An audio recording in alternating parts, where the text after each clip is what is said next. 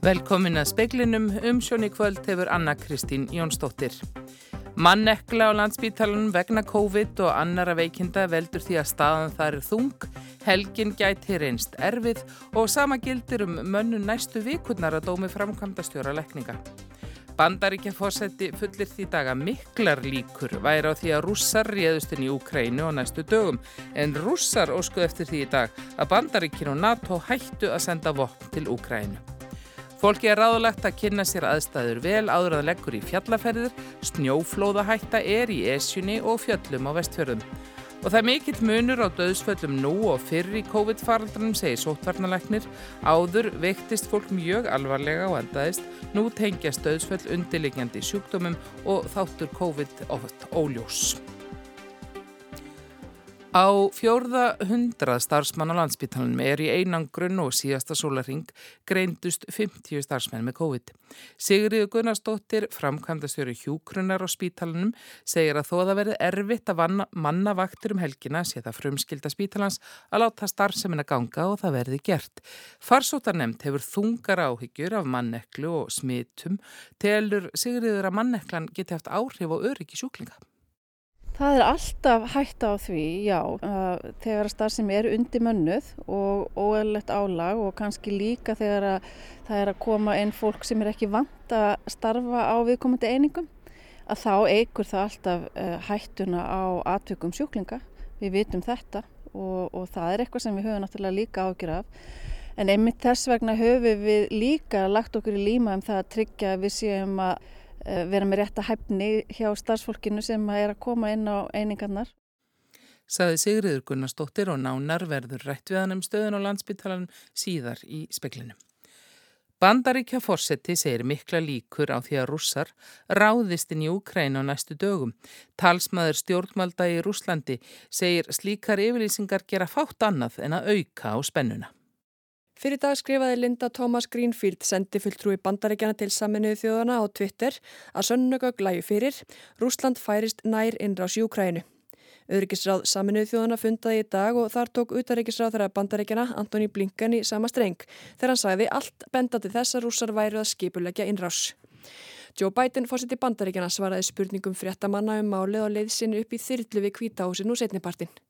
Aðspurði saðan líkur á innrás rússa í Ukrænu mjög miklar.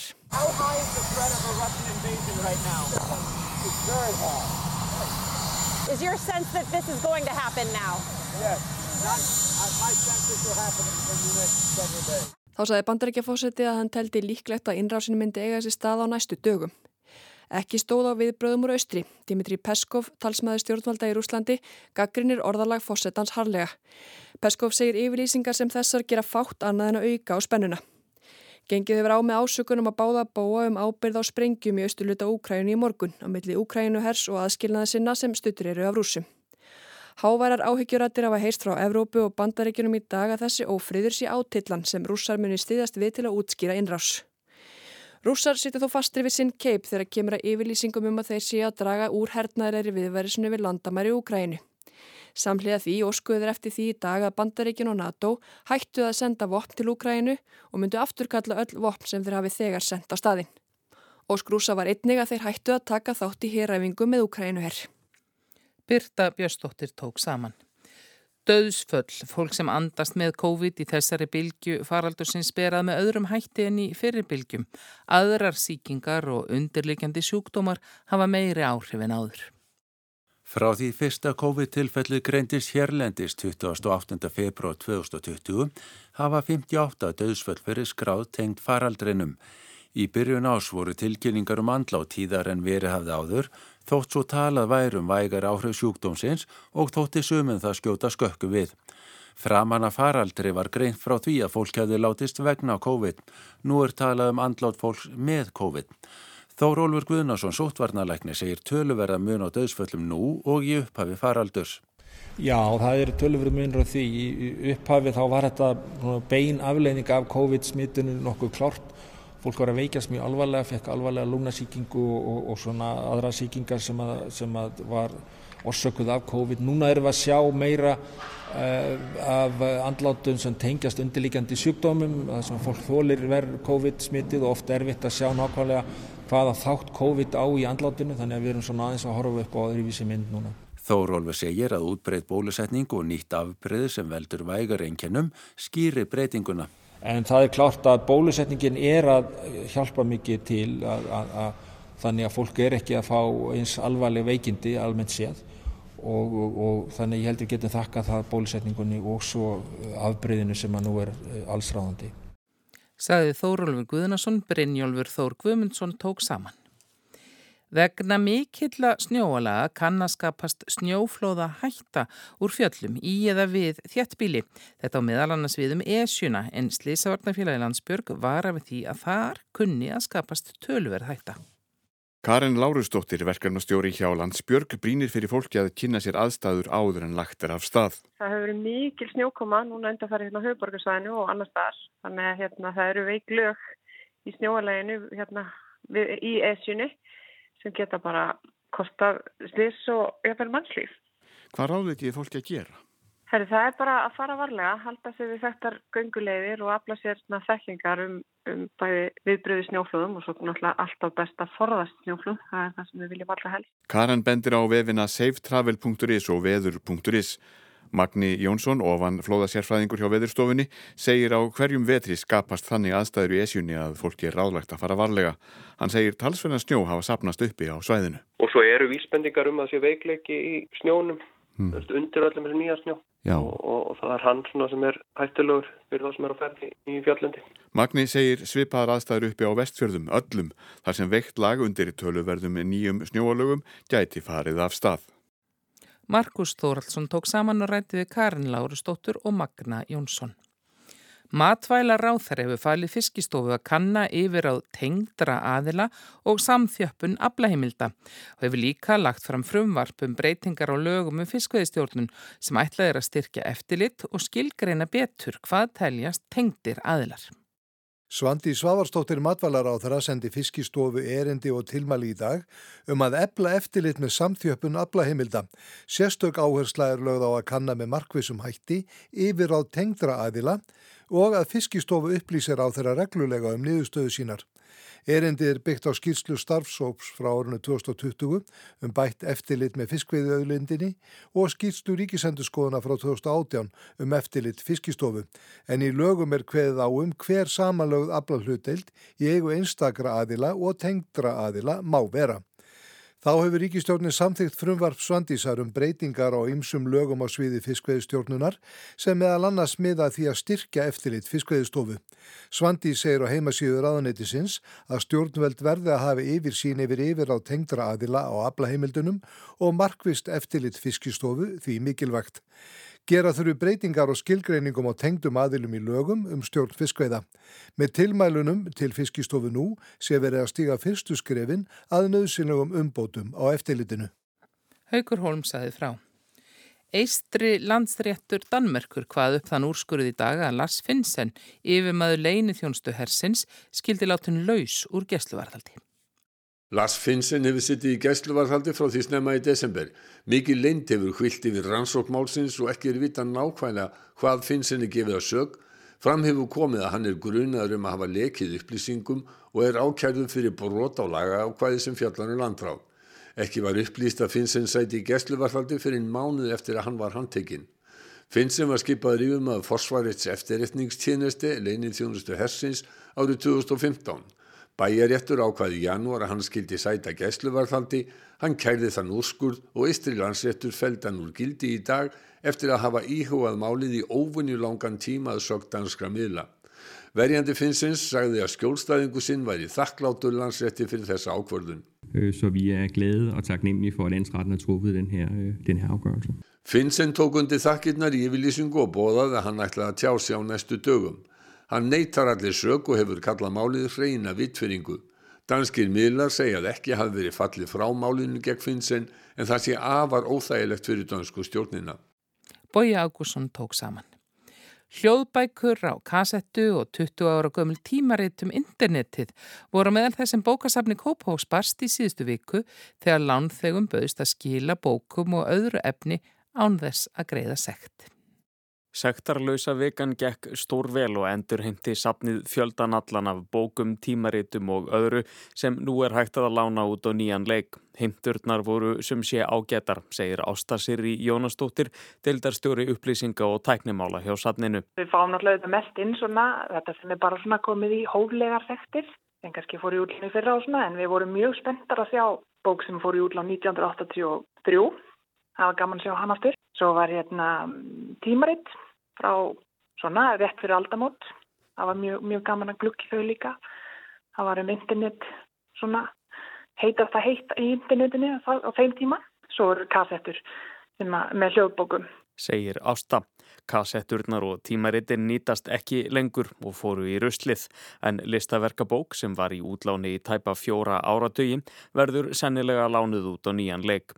Óljóst er hvort og þá hvenær sektarlaus vika verður haldinn næst á bókasafni Kópavóks. Man veit náttúrulega aldrei og þetta gekk mjög vel já og auðvitað við erum svo sem ennþá að fá skilabóð hvort það megi koma inn og við svona metum bara alltaf hérna hvert mál fyrir sig en, en hérna man veit aldrei hvort þetta gerist komið aftur. Það verður eiginlega bara tíminna leiði ljós. Við náttúrulega getum ekki alltaf gefið öllum það verður að vera ábyrð landtæga að skila réttin tíma sagði Ásta Siri Jónasdóttir Þorgnýr Einar Albertsson talaði við hana. Farsóttar nefnd og stjórnendur landsbítalans hafa miklar áhyggjur af mönnun og horfir til algjara vandræðum helgin á mörgum deildum að því segir í tilkynningu frá nefndinni í dag. 342 starfsmenn er í einangrun og síðasta sólaring greindust 50. Að aukjöru margir frá vegna annara veikinda en COVID. Tæplega 3000 greindust á landinu í gær og hafa aldrei verið fleiri. Fjölmargir sjúklingar liggja á landsbítalanum með og vegna COVID en ástandið á gjörgæslin er betra en það var í upphafi árs. Á landsbítalanum eru nú 44 sjúklingar með COVID, þrýr eru á gjörgæslu en engin í öndunavél. Sigriður Gunnarsdóttir, framkvæmdastjóri hjúkrunnar á landsbítalanum, segir að mönnunastæðan sé þung og fyrir séð er að svo verður áfram næstu vikur. Og það er náttúrulega ýmislegt sem spilar þar inn í, bæði erum við náttúrulega með marga sjúklinga innilegjandi vegna COVID og innilegjandi með COVID en inni kannski vegna annara vandamála en þeirra veikindi verða bara alvarlegri og umönnun þingri vegna þess að þeir eru líka með COVID.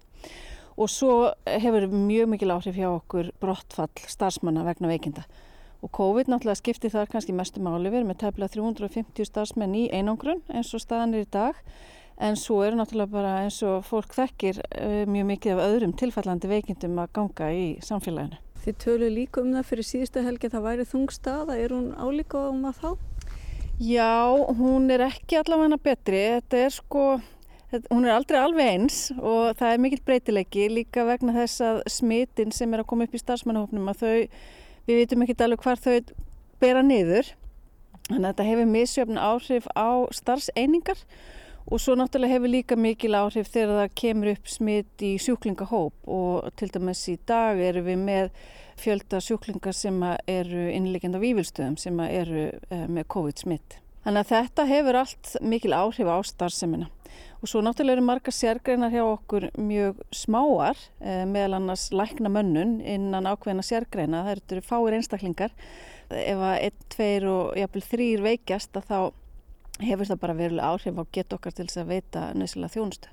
Það hefur náttúrulega áður heyrst um landsbítalan þessi erfið staðan. Er þetta svona erfiðaraldrun ofta áður? Eða? Þetta er kannski aðeins öðruvísi. Þegar við vorum að tala um hér í upphafi ásins uh, þessa erfiðleika sem við stóðum fram með fyrir, þá vorum við að kljástu það að það voru mjög margir sjúklingar að leggast inn á gjörgjæslu.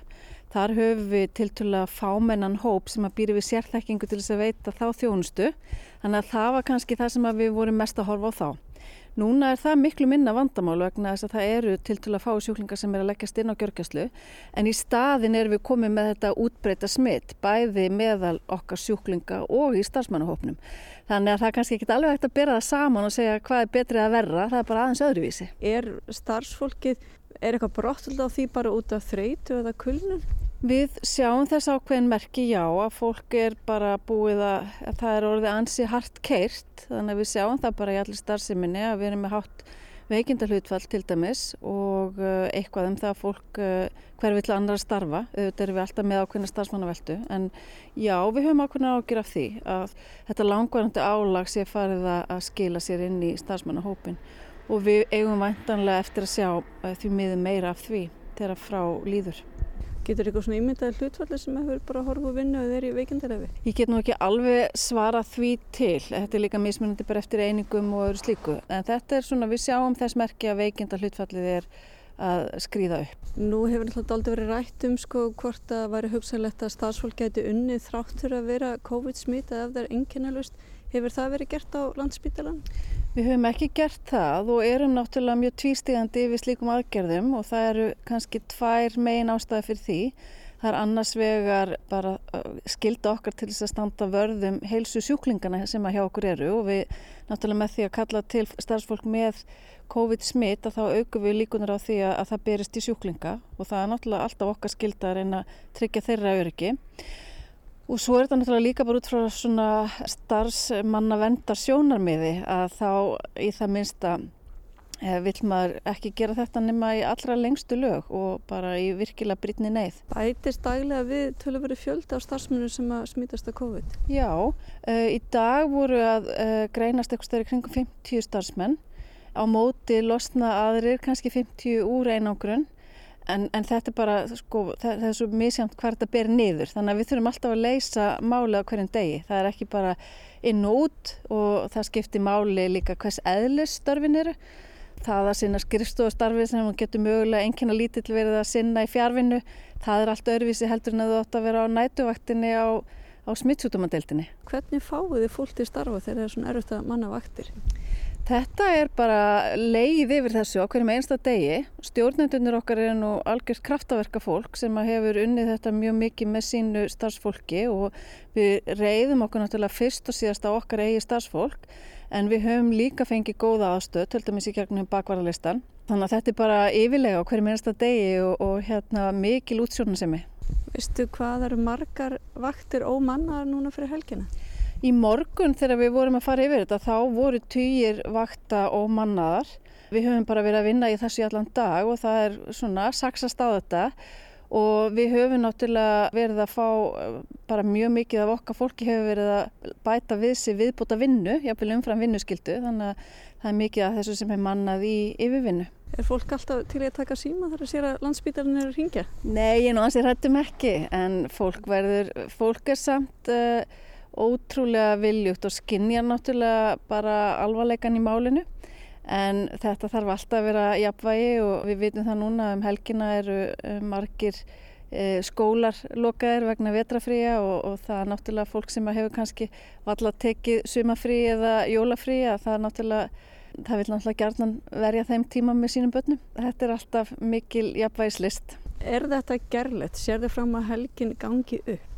Já, já, helgin gengur upp. Hún verður kannski ekki eins og við myndum vilja hafa hana og hún víða verður mönnuninn ekki eins og, eins og best væri á kosið en við leitum leiða til þess að láta hlutina gangu upp. Það er bara okkar frum skilda gagvart uh, almenningi að, að tryggja það að starfsemi spítalans geti gengið. Við myndum segja að sjúklingar væri meiri hættu við þessar aðstæður heldur en ella? Það er alltaf hægt á því, já, þegar að starfsemi er undir mönnuð og óeðlegt álag og kannski líka þegar að það er að koma inn fólk sem er ekki vant að starfa á viðkomandi einingum, að þá eigur það alltaf uh, hættuna á aðtökum sjúklinga. Við vitum þetta og, og það er eitthvað sem við höfum náttúrulega líka ágjur af. En einmitt þess vegna höfum við líka lagt okkur í líma um það að tryggja að við séum að Eh, vera með rétt að hæfni hjá starfsfólkinu sem er að koma inn á einingarnar og það kemur ekki alveg maður í mannstall. Hvernig svona sér þið fyrir þér næstu dag og vikur?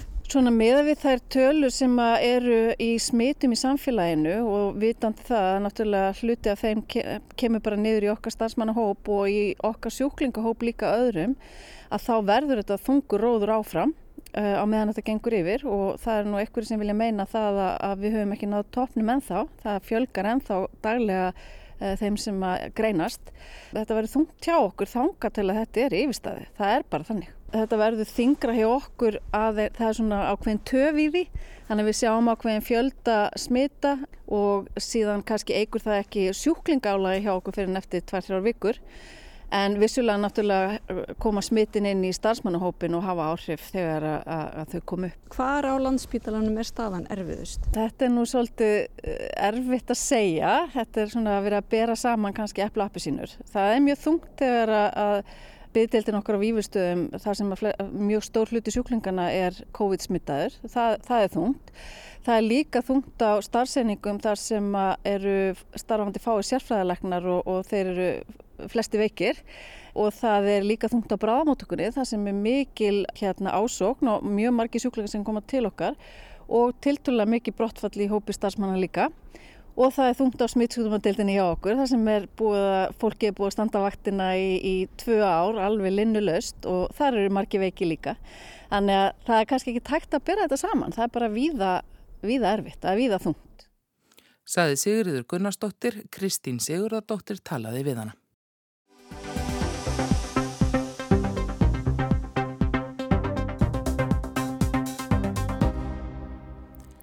Á sunnudagskvöld tóf danska ríkisjónvarpið útsendingar á fjórðu þáttaröðinu af Borgen sem, um dönsk, sem fjallar um dönsk stjórnmál og Birgitte Nýborg sem var forsættistar á þeirra Dalmörkur í fyrri þáttaröðum. Fyrsta þættinum hefur verið vel tekið og Bóji Ágússon tekur við. Orðið borg á dönsku þýðir virki eða kastali. Þáttaröðin Bóen sem nefnd var höllin á íslensku er stjórnmáladrama Bóen, borgin sem vísaði til er Kristjánsborgarhöll þinghús dana. Birgitte Nýborg Kristensen verður heldur óvænt fyrsta konan til að gegna ennbætti fórsættisáþar í Danmörku. Fyrsta þáttaröðin var frumsýnd fyrir 13 árum en síðan hafa tvær konur gengt ennbættinu í raunveruleikanum, fyrst Helle Tóning-Smith frá 2011 til 15 og svo núverandi fórsættisáþar að Mette Fredriksen. Hún tók við völdum eftir kostningar í júni 2019. Þættirni slóu rækilega í gegn og voru síndir í fjölmörgum löndum þar að meðal á Íslandi en Rúf var meðframlegandi á samt öðrum norrænum ríkisjóngastöðum. Þriðja þáttaröðin var frumsindi í Danmörku fyrir áratug og þá ætlaði danska ríkisjónvarpið Danmarks Radio að láta gott heita. En seríurna náðu viðrilegum vinsældum á Netflix eftir að streymisveitan gerði þrjálf fyrstu þáttaræðinar aðgengilegar fyrir tveimur árum. Þar á bæ taldi fólk að markaðu væri fyrir enn eina seríuna. Netflix bankað upp á hjá Adam Prísi, aðal handrýtsöfundi bóen, með tilbóð sem hann og Damarsradio töldi sér ekki geta hafnað. Öðrum norrænum ríkisjónastöðum sem voru meðframlegendur í fyrstu þáttaföðunum var skáka til hlýðar á Netflix. Skarpíðin Guðmusson, dagskrástjóri Rúf, segir að þetta sé ekki einstæmi og nefnir að sennilega sé nært tekast að dæmið þriðja þáttaröð af áfæl sem Netflix tók þátt í að fjármagna gegn því að öðlast heimsréttin utan Íslands og á rúf. Nýja þáttaröðin hefur fengið nafnið Ríið, Maktin og Erin, Ríkið, Mátturinn og Dýrðinn. Birgitte Nýborg er ekki lengur fósættisráþara í nýju þáttaröðinni heldur utanrikiðsráþara og hún fær heldur betur erfitt verkefni í fangið þegar að auðuar ólíulindir finnast á Grænlandi. De har fundet olie i Grønland. Eller er det, altså, er det noget, vi er glade for? Nej, det kan blive et kæmpe problem. Det kan blive et kæmpe problem, segir Nýborg. Þetta getur orðið mikið vandamál. Þau Hans Eliasson, auðlindar á þeirra grænlands, ræða saman í síma þar sem hún er í ráþeirabílnum. Hún segir við Eliasson að danska stjórnin sé á móti vinslu mingandi jarðefna elsneitis það tilheyri fortíðinni. Sá grænlenski spyr á móti hvað knýi ráþeirabíl hennar. Den danske regering mener selvfølgelig, at fossile brændstoffer er klimamæssigt uforsvarligt hører fortiden til. ja, men uh, hvad kører din ministerbil på?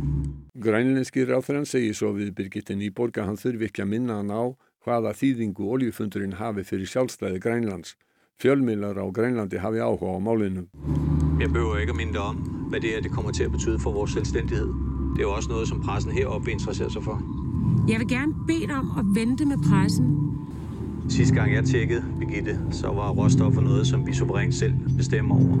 Så det her med at koordinere pressestrategi med Udenrigsministeriet, det gør vi så ikke.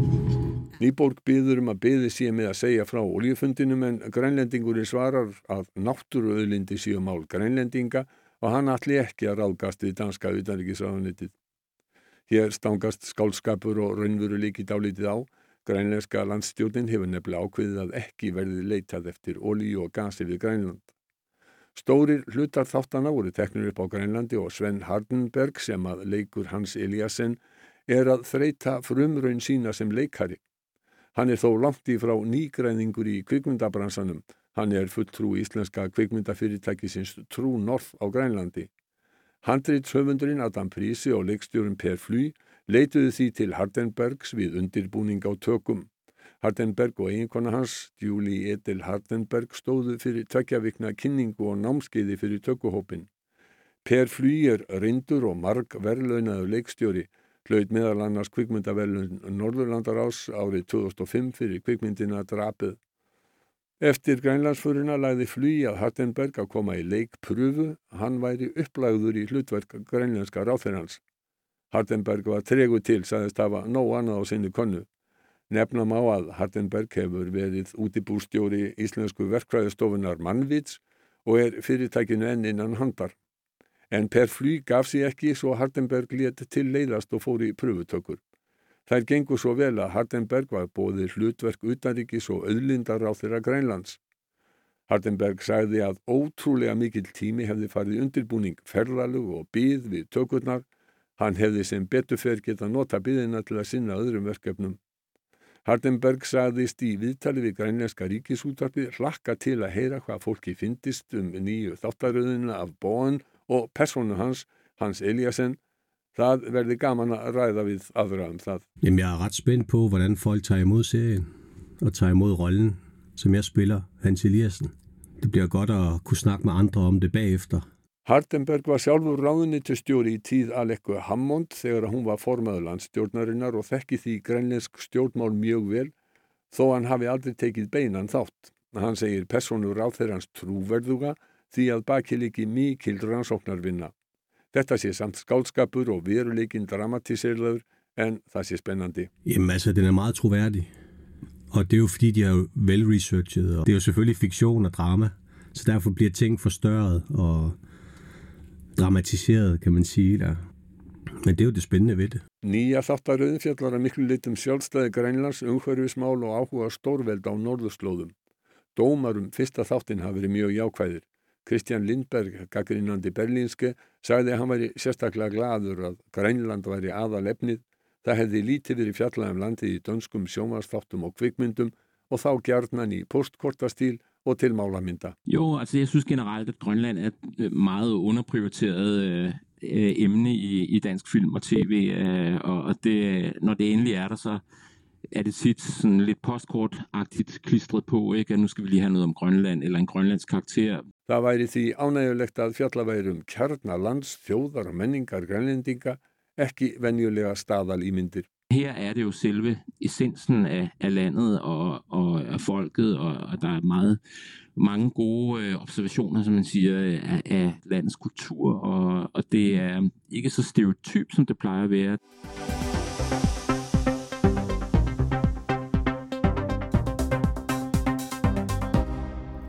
Veðurhorfur á landinu til miðnettis annað kvöld eru þær að það verður fremur hæg, norðaustlæg eða breytilegátt og skýja með köplum á morgun en dáli til jél út við sjáasíðuna.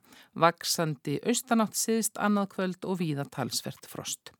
Það var helst í fréttum að mannekla og COVID-smitt á landsbyttalunum valda því að staðan þar er þung, helgin gæti reynst erfið og undirmönnun haft áhrif á öryggi sjúklinga. Bandaríkja fórseti fullirt í dag að miklar líkur væri á því að rússar reyðust inn í Úkræna og næstu dögum. Rússar oskuðu eftir því í dag að Bandaríkinu og NATO hætti að senda vopn til Úkrænu. Fólki er ráðlagt að kynna sér aðstæður vel áður en það leggur í fjallaferðir, það er snjóflóðahætta í esjunni og í fjöllum á vestfjörðum og fiskistofa á að kanna samþjöppun aflahimilda að beðni matvælar á þeirra. Ráð þeirra hefur lagt til breytingar og lögum um fiskveðistjórnun þar sem skilgreynd verður betur hvað teljast vera tengdir aðilar. Þá er ekki fleira í spekli kvöldsins, sjómarfsfrettir verða klukkan 7 og frettir í útvarpi næst klukkan 10 kvöld og svo alltaf frettir á vefnum. Tæknumæður í útsendingu var Magnús Þorstedt Magnússon, verið sæl.